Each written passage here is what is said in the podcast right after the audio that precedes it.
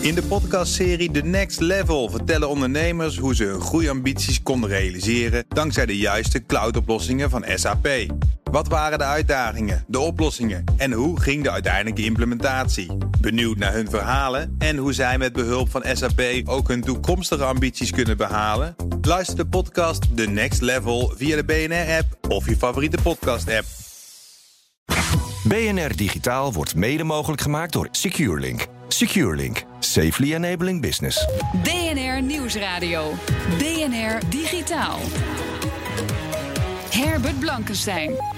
Welkom bij BNR Digitaal. Mijn backup is vandaag Ralf Monen, technisch directeur van beveiligingsbedrijf Secura. Welkom.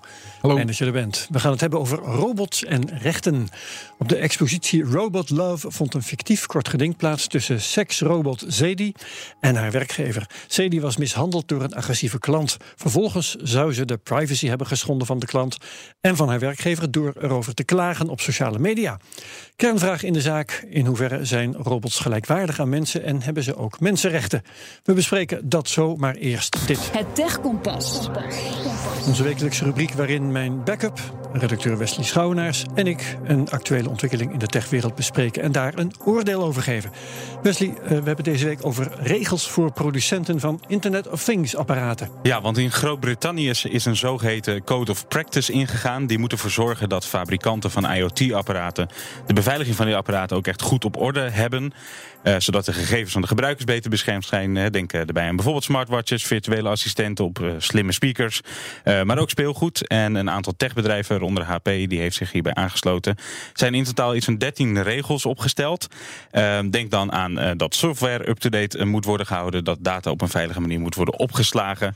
Ehm, en eh, er is alleen één punt. Het gaat hier wel om vrijblijvende gedragsregels. En niet om extra wetgeving. Bijvoorbeeld ter aanvulling van de AVG.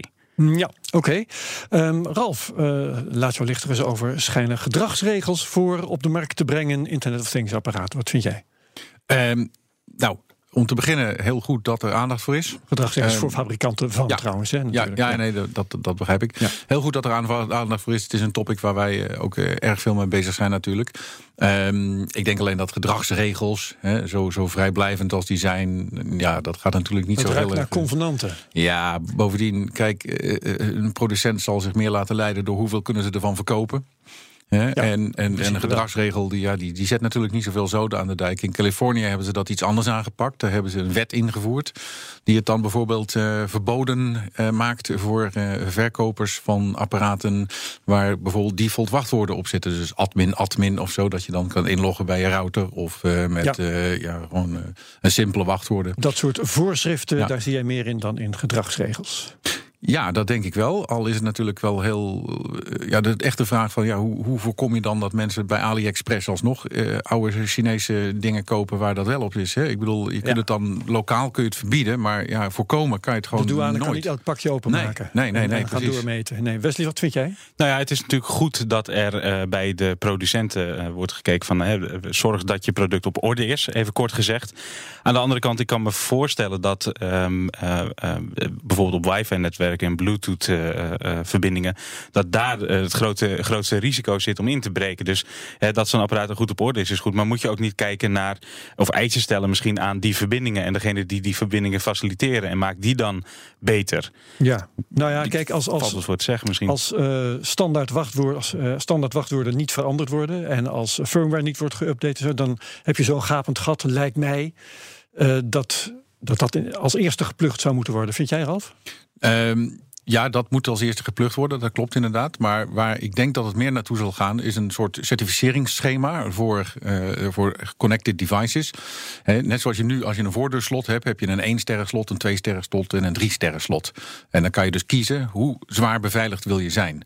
Nou, eh, het, is, het zal duidelijk zijn dat eh, je, je, je lamp thuis, die je van kleur kunt laten veranderen, dat die niet zo veilig hoeft te zijn als je auto. Dus misschien moet je, moet je dan wel een 1 sterren certificaat hebben voor een lamp en een 2 sterren certificaat voor een, eh, wel heel een genuanceerd, televisie of een, of een Ja. vijf sterren certificaat voor je auto. Ja, ja, ja. ja. Maar moet niet alles gewoon optimaal beschermd zijn? Of dat nou je lamp of je voordeurslot is? Nee, nee, nee. Alles niet. afdichten? Nee, nee, nee. Je kunt niet alles afdichten. Dat, dat, dat, dat is echt een illusie. Bovendien, ehm, de, de kosten van een, ja, een IoT-device gaan er ook eh, exponentieel van omhoog. Als je het helemaal dat wil dicht ik wilt net vragen. timmeren. Als je iets echt En- heftig wil beveiligen, laten we zeggen categorie 5, om in jouw termen te blijven, dan Ja. is dat ook duurder om te maken. En, Het is eh, duurder om te maken. En misschien duurder- duurder om te, of moeilijker om te gebruiken voor de klant. Ook, en het Ja. is moeilijker om te testen, duurder om te testen. Kijk, eh, bijvoorbeeld een Bluetooth-apparaat. hè, Dat kan prima veilig Bluetooth. Maar dan moet je wel een pincode invoeren. Maar niet alle apparaten hebben een pin, pad, entry device. Dus daar kan je, er zit geen Ja. toetsenbordje op. Dus dat moet gewoon in één keer werken. Je kan op je oortelefoontjes van je, van je, eh, van je telefoon... Ja, daar zit niet een pin-entry device op. Dus, dus kan het nooit veilig zijn. Tot slot, Wesley, wat vind jij? Moeten we die gedragsregels hebben? Geen gedragsregels, maar wetgeving. Goed begin, maar harde regels. Ralf, Eens. Ja, Ja. wet. ik voeg daar als nuance alleen aan toe dat gedragsregels misschien beter zijn dan helemaal niks. Maar oké, hartelijk dank allebei. BNR Nieuwsradio. BNR Digitaal. Robots worden steeds slimmer, steeds zelfstandiger en eh, ja, menselijker. Maar stel dat je een robot in dienst hebt die een negatieve ervaring met een klant op het internet zet. Kun je die robot dan aansprakelijk stellen voor reputatieschade bijvoorbeeld? En heeft die robot überhaupt wel rechten? We gaan erover praten met Rob van der Hoven van Genderen, universitair docent in robotrecht aan de Vrije Universiteit. En aan de telefoon Ine Gevers, artistiek directeur van Robot Love. De tentoonstelling waar eh, het fictieve proces plaatsvond. En zij is ook van de stichting Niet Normaal. Hartelijk welkom allebei. Vorige week dus die fictieve rechtszaak tussen seksrobot Sadie en haar werkgever bij die expositie Robot Love. Ine Gevers, jij bent daar artistiek directeur aan de telefoon. Ja. Wat is de bedoeling Hallo. van Robot Love, die expositie? Eh, Robot Love wil eh, mensen en robots en AI dichter bij elkaar brengen. Ehm, omdat wij denken dat dat heel erg nodig is om in de toekomst eh, robots ook ter en artificiële intelligentie ter verantwoording te kunnen roepen. Ja. En wat voor middelen zetten jullie daarvoor In in? zie ik taal. op die. Sorry, wat zeg je? Ja, in onze taal, in mensentaal. Je wilt in mensentaal ter zeggen. verantwoording roepen. Wat voor middelen gebruiken jullie in de expositie? Wat zie ik daar? Eh, in de expositie, eh, de expositie is heel erg ervaringsgericht. Eh, omdat om mensen en robots en, en kunstmatige intelligentie dicht bij elkaar te brengen, eh, je de dingen moet ervaren. Er is één eh, kenmerk van ons mensen wat vaak wordt ondergesneeuwd.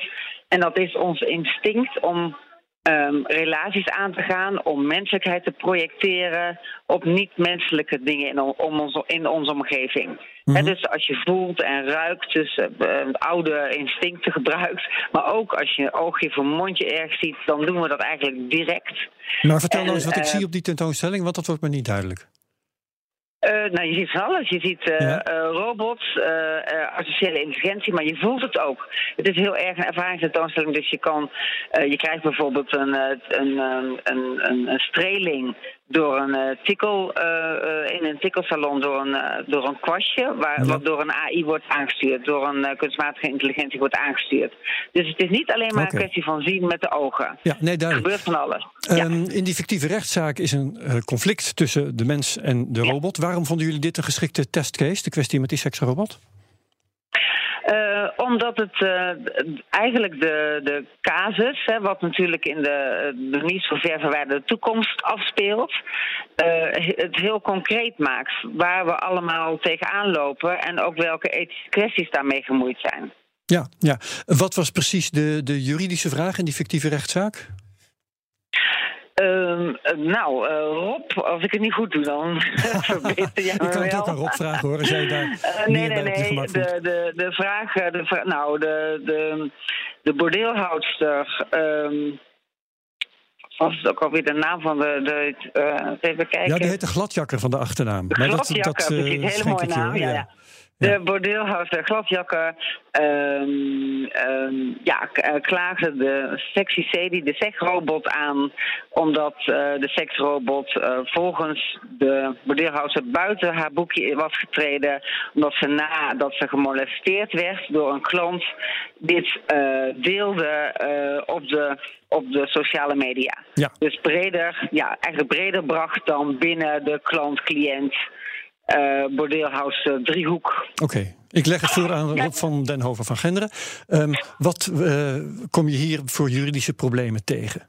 Ja, een aantal. We, we hebben natuurlijk een casus eh, verzonnen waar dit soort zaken aan de orde kon worden gesteld. Van in hoeverre eh, de ehm, rechten strekken van zo'n robot in die verhouding. Ja. Ehm, Maar dan zit je gelijk al in fictief recht, want eh, dit is allemaal op dit moment helemaal nog niet geregeld. Ja, maar het het sluit natuurlijk wel aan bij, bij de ethische en juridische vraagstelling van hoe ver zou je kunstmatig en intelligente entiteiten ruimte willen geven om rechtshandelingen te verrichten. En wat wij hebben gedaan is eh, dat afgebakend.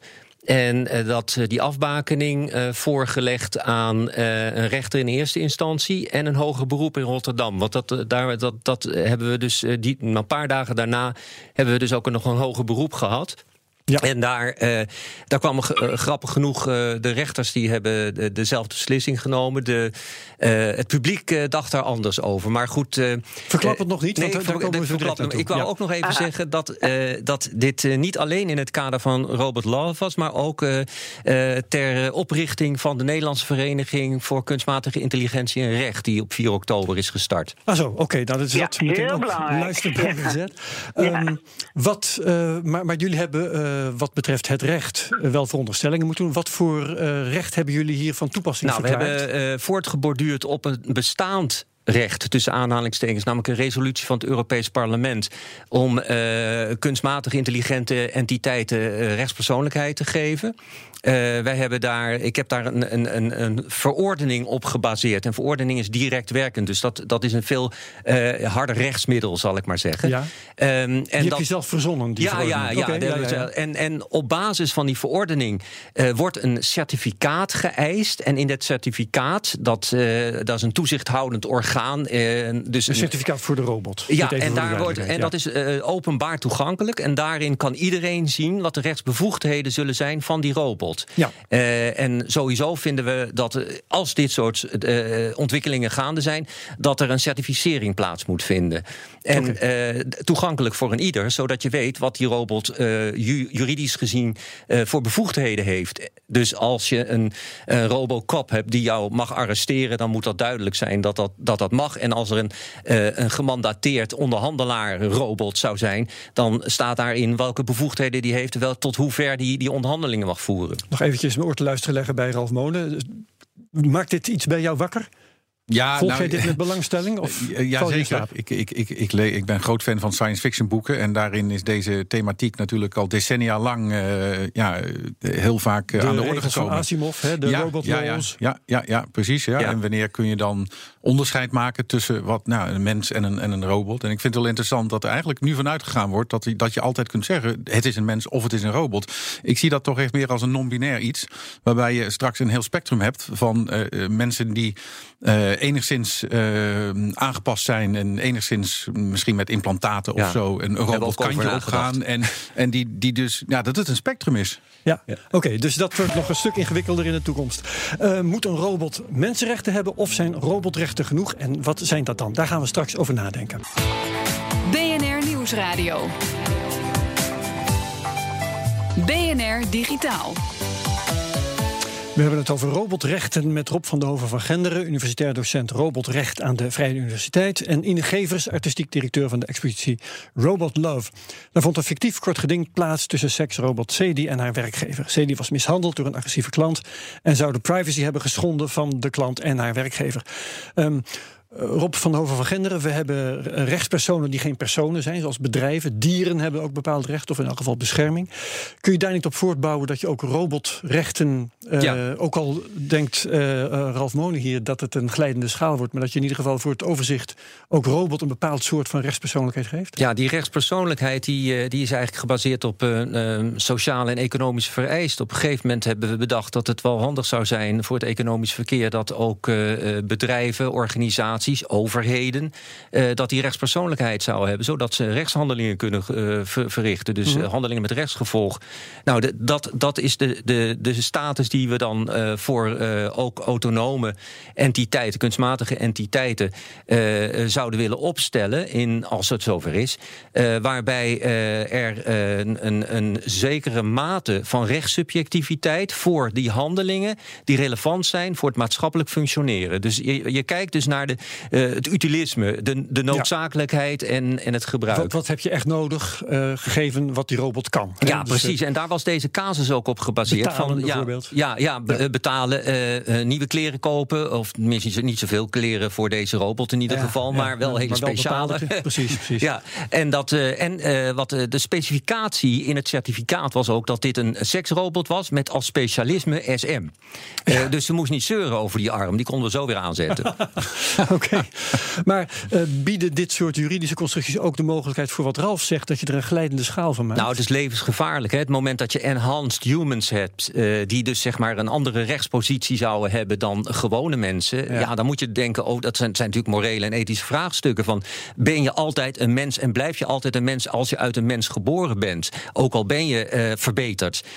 Dus dat, dat zijn vragen die, die heel diep ingrijpen in, in ons eh, bewustzijn en ons ethische normenstelsel. Dus is dat levensgevaarlijk, klopt. Ik- ik- Nou ja, nee, de- we moeten daar nu al over na gaan denken. Ja, want nadenken ja, dat, wel, wordt, ja. dat, dat wordt levensgevaarlijk als we daar niet over nadenken. Dat, dat is wat ik probeer te nee, zeggen. want je moet, je moet dus, eh, want wij, wij verbeteren ons natuurlijk al eh, de hele tijd. eh, sinds, eh, sinds we hebben uitgevonden dat je met medicijnen beter kan worden. En dat je met operaties eh, niet dood hoeft te gaan. Ja, En maar wanneer we- ben je dan nog mens? Ben je alleen mens als je uit een mens geboren bent? eh, ja, of ja, nou, misschien dat de vraag wordt gesteld: ben je ook een mens als je gekloond bent uit eh, Ja, stamcellen van Ja, een mens? ja, Eh, inderdaad. dat, dat, dat soort vraagstukken, die, die zullen wanneer, zeker. je uit, wanneer je uit meerdere delen bent samengesteld? Ja, Oké, ja dit wie, ben je eventjes, dan? Nou ja, vroeger, dacht, vroeger dacht men van de ziel van de mens zit in het hart. Eh, Het was nog nou, lang toen- onrustig in de studio. Ja.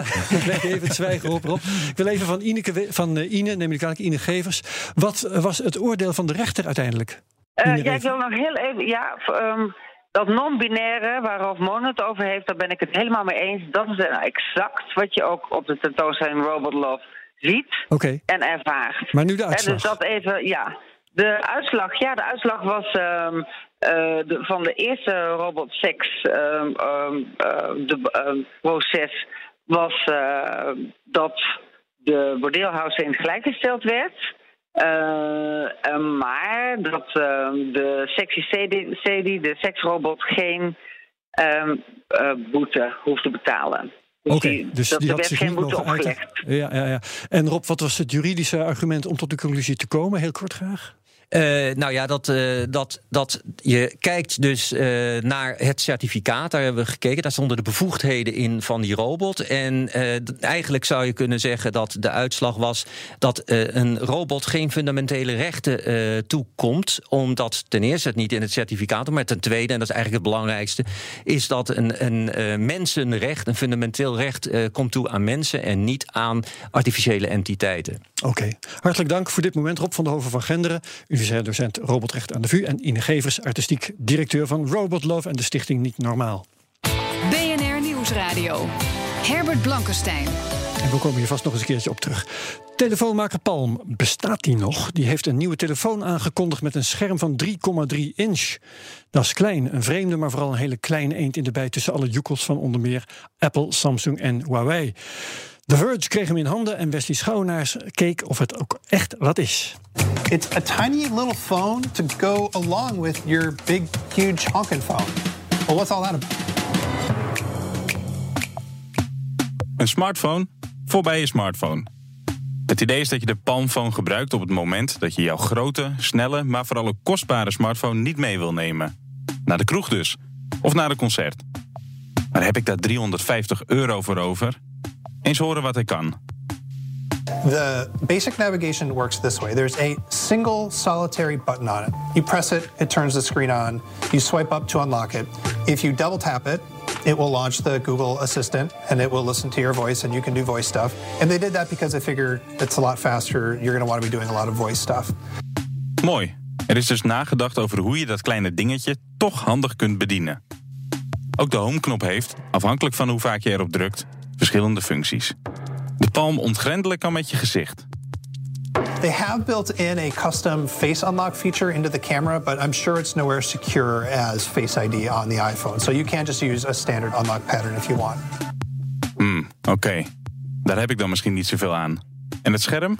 The screen is 3.3 inches and it actually looks pretty good. It's not too bad. And, you know, for the basic stuff that it's meant to do, it's relatively fast. Although it is a Snapdragon 435 processor with 3 gigs of RAM and 32 gigs of storage. So this isn't exactly like a powerhouse in terms of specs. Het is een smartphone voor erbij, inderdaad. Dan heb je hier misschien wel genoeg aan. Dan de camera. Want ik wil wel altijd goede foto's kunnen maken. Now, there is a camera on this. It's a 12 megapixel camera on the back. And, you know, I'm sure it's no great shakes. We haven't looked at it on a, uh, a big screen here. But on this tiny screen, you know, it looks fine. There's a conference room. Oké, ik ben niet echt overtuigd van de camera. En de batterij dan? Kan ik er bijvoorbeeld het hele weekend mee doen? When you turn on life mode, which is what they call it, this basically acts as both battery saver and do not disturb at the same time. So when this mode is on, you turn the screen off and no notifications will come in. And in fact, they turn off the radio, so not even phone calls will come in. So this thing should last a very, very long time in this mode. Mooi, hij kan dus lang mee.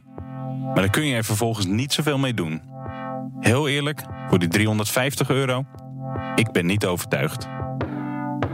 This is meant to be a time well spent phone. It's a phone that uh, you turn on, do a couple things, turn off, and ignore. And you can even turn on that life mode thing and completely ignore it entirely. So it's sort of like a, a backup plan to your phone.